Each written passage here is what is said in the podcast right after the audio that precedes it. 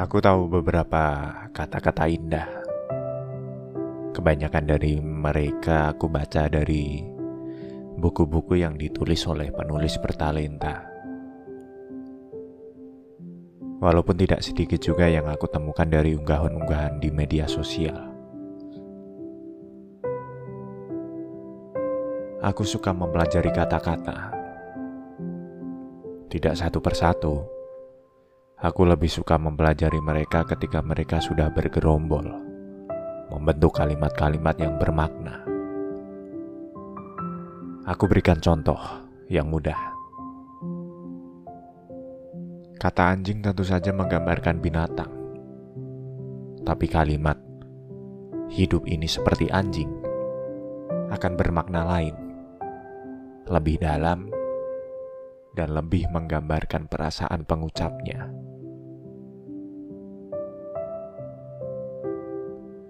Fungsi lain dari kata-kata adalah kamuflase. Beberapa orang menggunakan kata-kata sebagai tempat untuk bersembunyi menyalahgunakan keindahannya demi kepentingannya, menggunakannya agar terlihat seperti kemauannya, padahal di sisi lain tidak seperti itu keadaannya. Sebenarnya tidak ada aturan yang mengharuskan menggunakan kata-kata sesuai kaidah tertentu. Tuhan menciptakan mulut, lidah, dan pita suara pada setiap manusia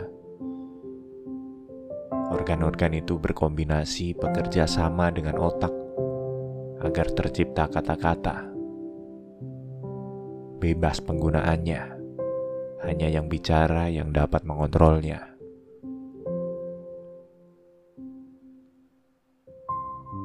Orang yang menggunakan kata-kata untuk menutupi kelemahannya adalah aku. Paling tidak itu aku.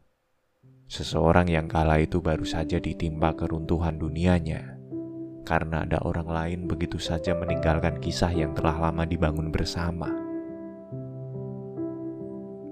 Aku waktu itu tidak ingin terlihat lemah. Aku ingin kamu tahu bahwa hidupku tidak terpengaruh dengan kepergianmu. Hatiku ini ingin aku kesankan sekeras baja, sekuat karang dan kata-kata adalah jalan yang aku pilih. Aku menulis di setiap tempat kata-kata yang dirangkai dengan bijak menjadi kalimat bijak. Kalimat yang bisa membuat setiap manusia tahu bahwa aku baik-baik saja.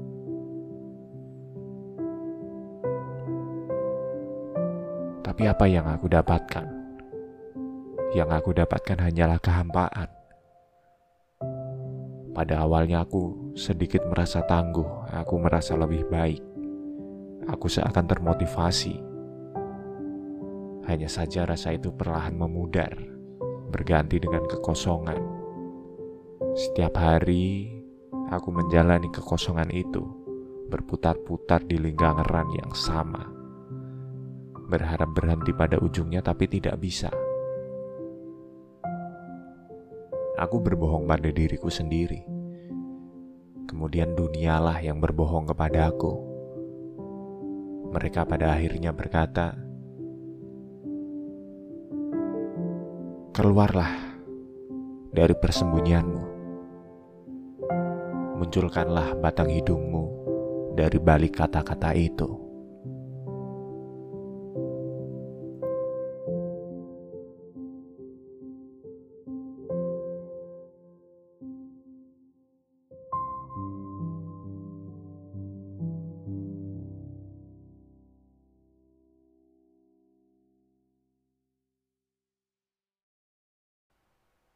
Terima kasih teman-teman yang sudah mendengarkan podcast literasi. Untuk teman-teman yang ingin berkontribusi dengan perkembangan podcast ini, silahkan klik tautan di deskripsi. Salam hangat.